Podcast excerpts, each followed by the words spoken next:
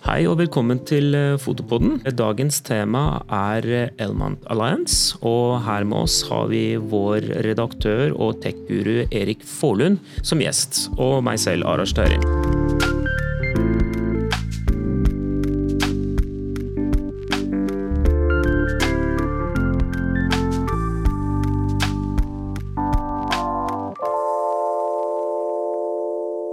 Elmant-alliansen var en kunngjøring som ble utført i fjor i Fotokina. Et samarbeid med Leica, Panasonic og Sigma. Som viser seg å være veldig viktig for bransjen. Og Da ønsker jeg å velkomne Erik Forlund her i studio med oss. Og ønsker veldig gjerne å ta opp i panel hva vi syns om dette her. Hei Erik, velkommen. Hei, takk. Eh, da er jeg veldig spent på å høre hva dine tanker er rundt denne kunngjøringen. Jeg syns jo alltid det er gøy med nye ting, jeg. Så jeg har ingenting å klage på. Um, nei, seriøst så er det jo um, For det første, det er en allianse. Det er ikke ett selskap som prøver på sin proprietære ting. Her er det åpent, i hvert fall for de tre selskapene du nevnte. Uh, om de åpner for andre, det vet vi jo ikke, men, uh, men det kan jo være spennende hvis de gjør det, selvfølgelig. Mm. Så tilbyr de jo ting som, som, andre kanskje ikke har, og litt annet segment hvert fall enn det vi har sett av, eh, av fullformat speilløse kameraer til nå. Hvor de har en helt annen byggekvalitet og en mer robuste ting. da. Mm, mm. Uh, og Det er selvfølgelig noe de andre også kan komme etter, men det er ikke noe i veien med de andre systemene for å kunne gjøre tilsvarende. Mm. Men, uh, men, Panasonic har lagt seg på et annet nivå, da. Eller Mm. L-Mount Alliance har lagt seg på et litt annet nivå. Eh, vi har jo selvfølgelig mange lyttere som vet hva Element Alliance er. Og så har vi jo sikkert en del nye lyttere som kanskje har aldri hørt om det før. Eh, hvordan ville du kort og greit fortalt hva er egentlig Element Alliance i praksis? Hva vil det si for eh, eksisterende fotografer og entusiaster, og eventuelt eh, nye? Ja, for det første så er det jo um, I et marked som, hvor salgstallene faller, så er det jo lurt å gå sammen, fordi da får man de volumene man trenger for å kunne utvikle det man trenger og få det utvalget av utstyr man trenger. Uh, det er jo samarbeid mellom Panasonic, som kanskje den store leverandøren, store aktøren som, som vil lage de fleste kameraene, sammen med Leica, som jo er guruer på optikk, og, men som har hatt kameraer for dette systemet i flere år allerede og Sigma, som jo har blitt veldig kjent for svært gode objektiver de senere årene. Det vi har sett til nå, er jo to, og helt nylig et tredje kamera fra Panasonic, i tillegg til SL-kamera fra Leica. Og så har Sigma faktisk lansert et bitte, bitte lite fullformat speilløst også. Mm. Og så har alle sammen sine objektiver, og disse objektivene går jo om hverandre på dette systemet. Eh, det jeg hadde lyst til å tilføye her, at det som er veldig interessant med Elmant-alliansen, er at uh, i utgangspunktet så er det jo et uh, system som faktisk allerede startet for fire år siden. Når Leica introduserte sin aller første heldigitale speilløse kamera, Leica SL. Og med det så introduserte de sin uh, de kaller for TL-mount, som også er samme mount som er på Leica TL og Leica CL, og på SL. Så Det er jo faktisk et system som har eksistert nå i nærmere fire år. Eh, og som kanskje en del folk vet fra før, er at Leica og Panasonic har alltid hatt en veldig tett samarbeid som har vært litt eh, ja det, har, de, ja, det har vel vært litt diskré samarbeid, men samtidig nå så blir jo det, så er jo alle kortene på bordet. Men det som er veldig spennende her, er at det er jo et initiativ som Leica tok til Panasonic og Sigma, som da attpåtil kom på banen her. Fordelen med dette her er at Elmont-alliansen gir kunder og folk fleksibilitet og utvalg. Fordi sånn som vi vet, så er jo Leica er jo et, et selskap som er, er, jo i praksis et nisjeselskap i den store kameraverdenen, men det er anerkjent for å lage verdens beste optikk. Bra kamerahus lager de òg, og det er jo generelt premieprodukter som kanskje kan være ganske så kostbart. Men med Elmant-alliansen så har jo du mulighet til å kombinere med tysk optikk med japansk teknologi når det gjelder kamerahus. Og gir da mulighet til at du kan velge da hvor du ønsker å sette pengene dine, om du vil, vil sette inn i uh, tysk glass på lekeglass på et Panasonic kamerahus som er ja, ganske så mye rimeligere enn eh, Leica sine kamerahus. Men det som er veldig interessant her, er at Sigma er på banen. Og som du vet veldig godt selv, Erik, du har jobbet med Sigma og det systemet mange år. Hvilket fordeler ser du for deg at det kan gi til kunder når det gjelder bl.a. at Sigma er på banen her?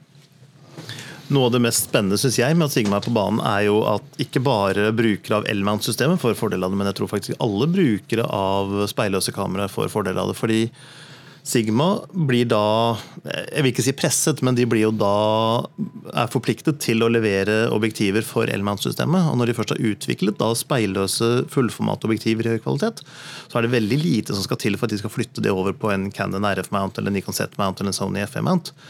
Og Dermed så tror jeg at de Sigma-objektivene som lages for Elma, de vil ganske fort komme over på, på, de andre systemene også, sånn at man får veldig bra utvalg der. Det blir helt forferdelig logistikk for oss som skal selge det, men uh, det er noen andres problem.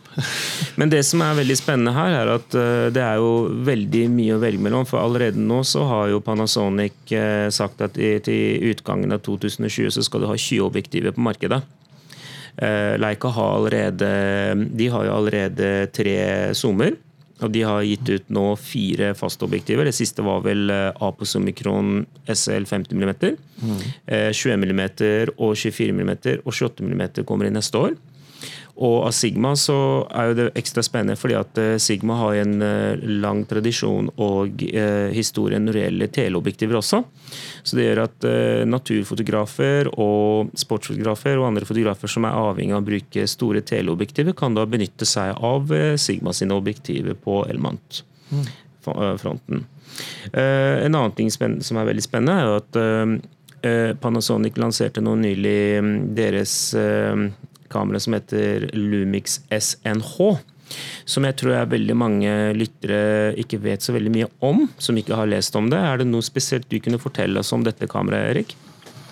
Ja, Det er jo et, eh, en sånn videovariant av de andre, egentlig. Du kan kanskje sammenligne det med en, eller kalle det en fullformat GH5, hvis du er inne i, det Micro Four Thirds-systemet. Hvor det rett og slett er et kamera som ser ut som et vanlig fotokamera, men som er rettet så mye mot video at det i stor grad, eller aller størst grad kommer til å bli brukt av eh, eller brukt til video. Mens det fortsatt kan ta, ta fantastiske stillbilder, selvfølgelig. Men det er nok ikke stillbildefotografen som skal ha det. Um, det er 6K video. Riktignok bare 24 frames, men, eh, men for det 5,9K så kan du ha det opp i 30 frames. Og du har 422 eh, 10-bit ut, og du har liksom alle disse spesifikasjonene. Du kan laste opp luttere, du kan koble på XLR-adaptere, og du kan gjøre det til en helt fullstendig profesjonell videorigg. Og når Nattpåtil da kjører samme systemet for farger osv. som eh, Panasonic var i Cam, så betyr det at det er fantastisk å bruke som et B-kamera på større produksjoner. Mm. også. Eh, er det slik at den fanger 6K hele sensoren, eller blir det kropp? Nei, hele sensoren. Hele sensoren. Ja. Og så er det slik at de har også faktisk eh, eh konstruert et eget kjølingssystem for dette kameraet, med en egen vifte. Mm. For at du skal kunne øh, gjøre det bedre, at du kan holde temperaturen nede, så ikke det blir overoppheting. Ja. Og andre fordeler er jo det at eh, det åpner også mulighet for å f.eks. Eh, astrofoto. Det kan også gi en stor fordel med en slik vifte, for hvert fall hvis du skal ha veldig lang, eh, ja, lang, veldig, veldig lang lukketid. Eh, ellers er det jo også veldig spennende å, å, se hvilken vei denne bransjen går. Når, når, det gjelder at verktøyene blir mer og mer fleksible som en hybridløsning for både video og stills. Men det blir veldig spennende å se hvordan dette kameraet vil utrede seg i praksis. Eh, på Sigma-fronten så er det også et kamera som er på vei. Eh, hva, kan, hva, kan, du fortelle oss om det, Erik? Sigma FP, har ikke det vi fant ut det het? Jo. jo. Det er et knøttlite kamera. Det er også rett veldig mye mot video. For de som kjenner Sigma-kameraer fra før, så er det nå et par eh, store endringer. Det ene er at Den bruker ikke lenger fovion-sensoren. Den bruker en standard CMOS-brikke, som si, alle andre gjør. Så jeg var litt glad i Fovion-brikka til sitt bruk, men det var jo håpløst som et allround-system. Så det, jeg skjønner jo at de gikk bort fra det. Det er jo litt som hvis du er inne i motor uh, Billigbrikken svarer på vankelmotor, egentlig. Genialt konsept, og så trengte antagelig mye mye mer utvikling enn det noen gang fikk for å slå gjennom. Så det er litt synd jeg har gått bort fra den, men jeg tror det er mulig å få kjøpt det kameraet. Mm. Og så har du da selvfølgelig L-fatning, og ikke den gamle Sigma-fatningen som alle tidligere Sigma-kamera har hatt. Og det er jo også smart, for det er ikke noe vits i å lage et eget kamera for Sigma med en egen fatning. Så det er jo veldig lurt. Og det er nok det minste fullformat speilløse kameraet vi har sett. Mm. Jeg har ikke fått testa det, men eh, det virker veldig videoretta, det også. Så du kan kunne ha en liten sak i lomma, og så putter du på det du vil av optikk, og så er det liksom optikken som styrer hva du får av bilderesultater, men, men kameraet skal ikke hindre det. Hvordan det gjør på, på, kjøling, det vet jeg ikke når det er så lite. Mm. Men, men, kjøling er jo veldig viktig. Det hadde jeg lyst til å si litt om da du nevnte det. fordi det er jo veldig mange kameraer som har slitt med kjøling. og jo høyere fargesampling du skal ha, jo høyere bildefrekvens, jo høyere bitrate du skal ha osv. Og, og høyere oppløsning, selvfølgelig, jo, jo, varmere blir ting. Og så vil man ha kameraene små. Og Jo mindre man skal ha det, og jo mer varme det utvikler, jo varmere, vanskeligere er det å bli kvitt den varmen. selvfølgelig. Så den vifta er jo en løsning på problemet. Jeg er alltid litt skeptisk til mekaniske ting. Nå har vi gått i speilet for å slippe mekaniske bevegelige deler, og så putter inn en vifte.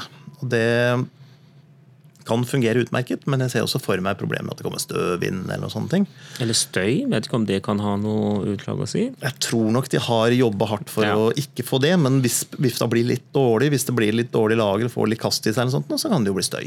Mm. Men uh, så jeg ser det for meg som en sånn servicegreie etter hvert, kanskje, men, mm. men, men, det skal ikke spekulere, for det kan godt være de har funnet på en smart løsning der. Altså. Ja. Ellers så ønsker jeg å tilføye å si at uh, Element-alliansen og spesifikk eh, Panasonic eh, S1, SNR og SNH er jo nesten en gave fra høyere makter til eksisterende Leica M-kunder også. Fordi som vi vet så har jo Leica vært veldig anerkjent i alle år, spesielt i optikken deres fra M-systemet, og nå også i SL-systemet. Eh, men jeg husker veldig godt at eh, når Sony kom ut med sin A7 Nei, A, jo, A7-familie, som begynner nå er vel i, i fem år siden nå, kanskje opp i seks år nå snart, ja. mm -hmm. så var det jo veldig mange som jublet, jublet, fordi da tenker de at nå kan de endelig bruke M-optikk med adapter på Sony. Men i praksis så viste det seg å være at eh, de objektivene ikke fikk ordentlig utbytte på den sensoren. Spesielt på brennvidder som er videre enn 50 mm. Og Det skyldes rett og slett fordi at uh, disse objektivene er konstruert for uh, M-systemet, og da ble ikke lysopptaket på sensoren like effektivt uh, utnyttet som det er på M-sensoren. Og Der har jo Panasonic funnet en genial løsning, og det er samme løsning som er i både SL, M-sensoren og CLOT, er at de har mikrolinser. Hva mikrolinser gjør, er at du benytter jo lyset maksimalt når det treffer sensoren. Det betyr jo at eh, da får du like bra kant-i-kant-ytelse på pikken din som du får når du setter på en M-kamera. Dvs. Si at eh, Panasonic SN-systemet liker veldig godt dine M-objektiver. Og Da betyr det at da kan du fint ha et M-kamera, og du kan da fint ha et Panasonic S1 som et uh, parallellkamerasystem, eller et sekundærkamerasystem, som du kan få fullt utbytte av dine M-objektiver. Så det er en, eh, Jeg syns det er veldig spennende, for spesielt med vidvinkelobjektivet på M-systemet så kan det være litt sånn vanskelig å jobbe med komposisjon, fordi at uh, rammen, rammene til M-kameraene er jo hvis du skal bruke den interne optiske søkeren, så støtter den opp til 28 mm. Med en gang du skal begynne å gå videre enn det, så må du ha enten ekstern optisk søker, eller sette på en elektronisk søker som du setter opp, og da begynner plutselig formfaktoren på kameraet å bli litt annerledes enn den egentlig er konstruert for. og Det gjør at du kan da fint bruke disse vidvinkelobjektene på ja, S-kamera. Mm. Og, og M-optikk er jo legendarisk. Og ikke mm. bare er den legendarisk, men den fins i et enormt antall. Fordi M-optikk går ikke i stykker. M-optikk varer omtrent evig. Så det er masse M-optikk der, fra gamle dager og fra nye dager. og Liker du looken av M-optikk, så er det mye tilgjengelig. Nå kan du også sette rett på. Du får selvfølgelig ikke autofokus og alle de tingene der, men du får M-looken mm. på et moderne kamera. Mm. Og det er attraktivt for mange. Og mm. på et kamera som ikke nødvendigvis koster 60 000 kroner for huset. Nemlig. Og det er en uh, veldig veldig positiv nyhet, for det gjør at uh, bruksverdien og verdien optikken vil holde seg. Mm. Så du kan fint bruke gammelt optikk uh, på en moderne kamerahus og få full utbytte av det. Du kan også bruke R-optikk, så vil Leica R. R-optikk med ja. riktig adapter, ja. Mm. Nei, altså Det blir veldig spennende å se hvordan Elmant-alliansen vil utfolde seg på markedet. Jeg personlig er jo veldig begeistret over det og er veldig spent å se fortsettelsen. Vi har jo også nå Nylig så har jo Sigma lansert noen nye L-objektiver. Eh, kunne du fortalt oss litt om de siste som har kommet på markedet? Du har vel en 45 mm det er gitt ut, og en 35 mm, stemmer det? Sigma. Har de ikke det? Har de ikke... 35 og 40 40 og 50. altså De har jo alle de Art-seriene har jo kommet i Elmount. Ja. Foreløpig så ser det ut som de er bare tilpasset for elsystemet. At det er de gamle hvor de har satt på en spacer bak og riktig fatning. Så de er blitt lengre enn de originale objektivene. Så det er ikke en ny design. Men hva med denne 35 mm 1.2, ja. som faktisk også har manuell blendering? Den må jo være, må jo være ekstra stas for videografene. Ja. Med halve blendetrinn. Det er nok helt sikkert, i hvis den blenderen kan uh, gjøres trinnløs. For mm. Det er jo veldig fint for videografene. Uh, det som er viktig når du skal videofilme, er jo litt at, for at den ikke pumper. At du ikke endrer utsnitt når du fokuserer. Mm. Uh, det tar seg dårlig ut på video. Den, og, og, Sigma har vært flink på det tidligere. Den 18-35-zoomen for APC-fatning er jo legendarisk på akkurat disse tingene. Mm. Så jeg regner med at, at, Sigma har kontroll på det. Men samtidig, når de lager 1-2 uh, blender, så er det jo ofte for stills.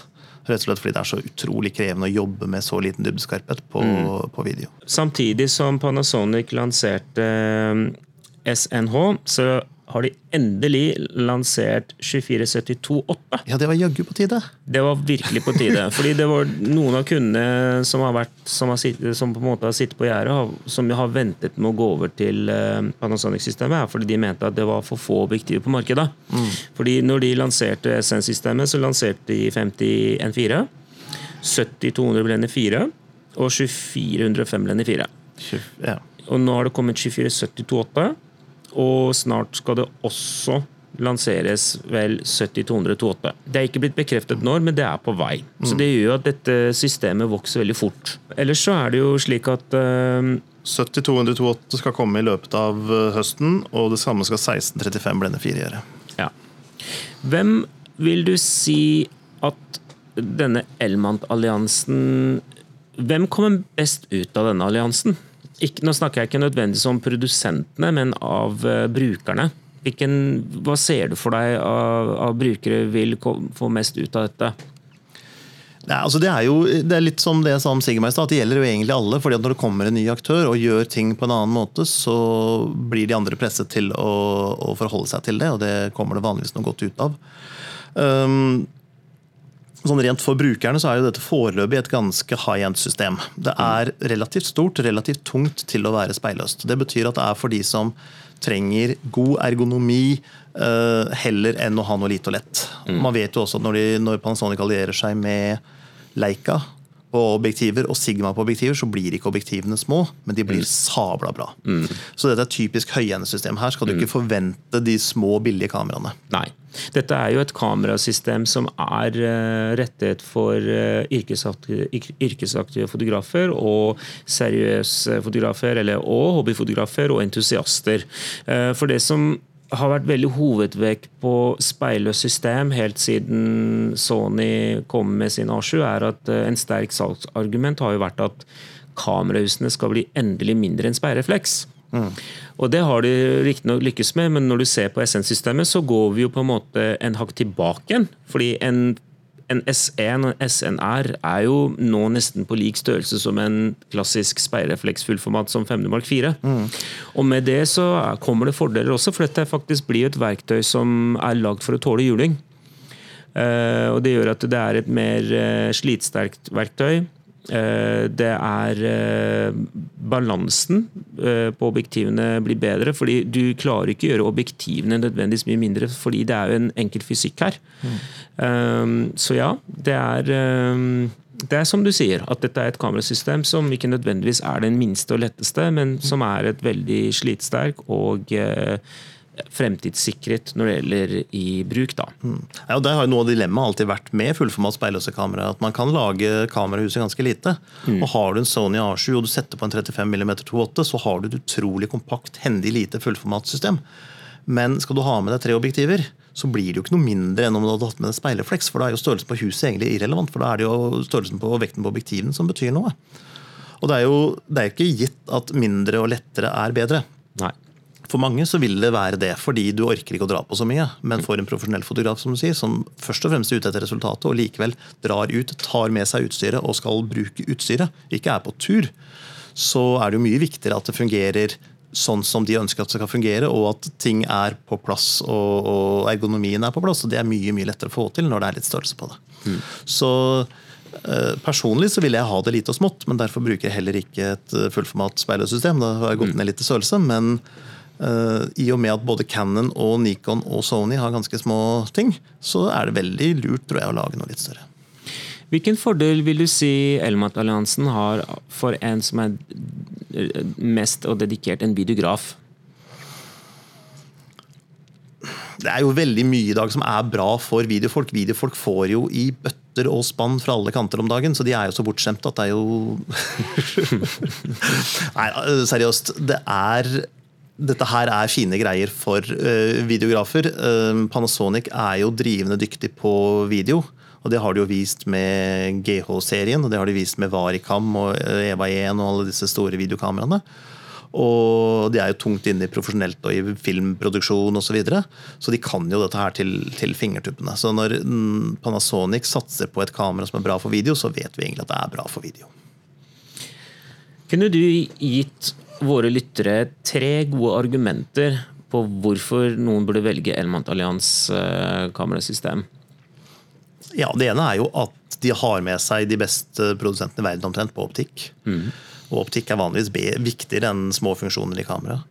Eh, det andre er at altså Er du videograf, så er det jo få som putter sånne ting inn i kameraen som det Panasonic gjør. Um, Nikon er ganske offensive, men de har nok ikke helt teknologien på plass. Cannon er litt defensive, for de er litt redde for å, å kannibalisere det over. og Det kan det se litt ut som Sony er. Altså, Sony har jo ligget langt framme på video, men de kjører fortsatt bare 8-bit, f.eks. Mm. Mens uh, mens Panasonic er beinharde på 10-bit. Og Vi har jo ikke sett de spesifikasjonene på SNH på en fullformat kamera før. fordi det har utviklet så mye varme at man har ikke fått det. Det første som uh, gjorde meg veldig glad, er at uh, Elmant-alliansen og spesielt Panasonic-kameraene er uh, veldig fleksible for at du kan bruke optikk fra andre produsenter med riktige adaptere. Så du kan faktisk ta et klassisk Canon 50 mm 1.2 med en Sigma MC21-adapter og så kan du bruke det på dette kameraet. Du er ikke nødvendigvis låst lenger og må måtte bruke Canon eh, sperrefleksoptikk på Canon sperreflekskamera. Dette kan du fint bruke på Panasonic. Du kan bruke eh, Voigtlander-objektiver. Jeg har til og med sett det klassiske Nikon Noct fra slutten av 80-tallet, mm. som fungerer helt utmerket med adapter. Så med andre ord, jeg vil si at objektiver som kanskje du har nesten hatt i glemmeboka, som du tenker at det er for gammelt eller du bruker ikke sperrefleks det kan du fint bruke på Panasonic-systemet, og eventuelt da på, sikkert på Sigma også, og på SL. Og Der skjer det også spennende ting. Leica kommer til å også lansere etterfølgeren til Leica SL, som kommer til å hete SL2. Så Det blir også veldig spennende å se hvordan eh, disse objektivene fra Sigma og Panasonic vil funke hverandre. Jeg kikka litt på roadmappen for ja. uh, objektiver. Ja. Og der fant jeg noe interessant, nemlig På Sigma sin så står det at i 2020 så skal de komme med objektiver for APC. Aha. Og Det betyr at det må da være noen kameraer i pipelinen med APC-bildebrikke. Hmm. Som jo kan tale litt imot det jeg snakket om at dette her ville forbli et profesjonelt system. Et, riktig, Så en L-mount i APC. Ja. Mm. Uh, og Det er jo bare, altså det er ikke noe jeg vet, jeg bare ser på ja. Sigmas roadmap at der står det DC-objektiver for L-mount. og Da er det ikke noe vits i å gjøre det. hvis ikke... Det er sant. Har du spesifisert hva som kommer? eller er det bare... 16 mm, 30 mm og 56 mm. Altså tilsvarende 24, 50 og 85 omtrent uh, mm. i brennvidde på fullformat. Er det jeg sitter med informasjon om. Så det, det kan jo bli litt gøy, for da, da vil det jo rette seg mot, mot flere også. Mm. Hva er det du er mest begeistra for eh, Elmant-alliansen? Jeg er jo litt Sigma-fanboy, så jeg syns det er veldig gøy at Sigma kommer inn og, og starter på speilløsløpet, og at man kan bruke disse fantastiske Sigma-objektivene på, på, det systemet. Det syns jeg er veldig gøy. Ellers så er jeg tilhenger av åpne systemer, for da går det an å slipper å binde seg til én. For det er veldig lett når du har bundet deg et sted, og så er det så dyrt og så vanskelig å skifte. Og her er det litt enklere. Mm. Så det, det, setter jeg stor pris på. Og ikke minst at det er en konkurrent som gjør noe litt annerledes. Og det, mm.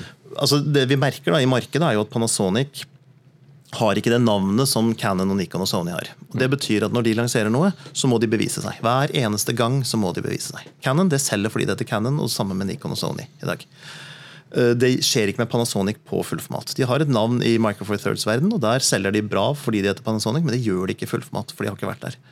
Så Derfor må de bevise seg, og derfor så tror jeg i hvert fall at du får litt mer for pengene Mm. med det systemet. Rett og slett fordi de må bevise hva de kan. Føler du at de har bevist så langt? Og hvordan i så fall? Jeg syns kameraene virker veldig veldig solide. og Sammenlignet med det Canon og Nikon har lansert på fullformat eh, på omtrent samme tid, så, så er det jo helt klart en klasse over.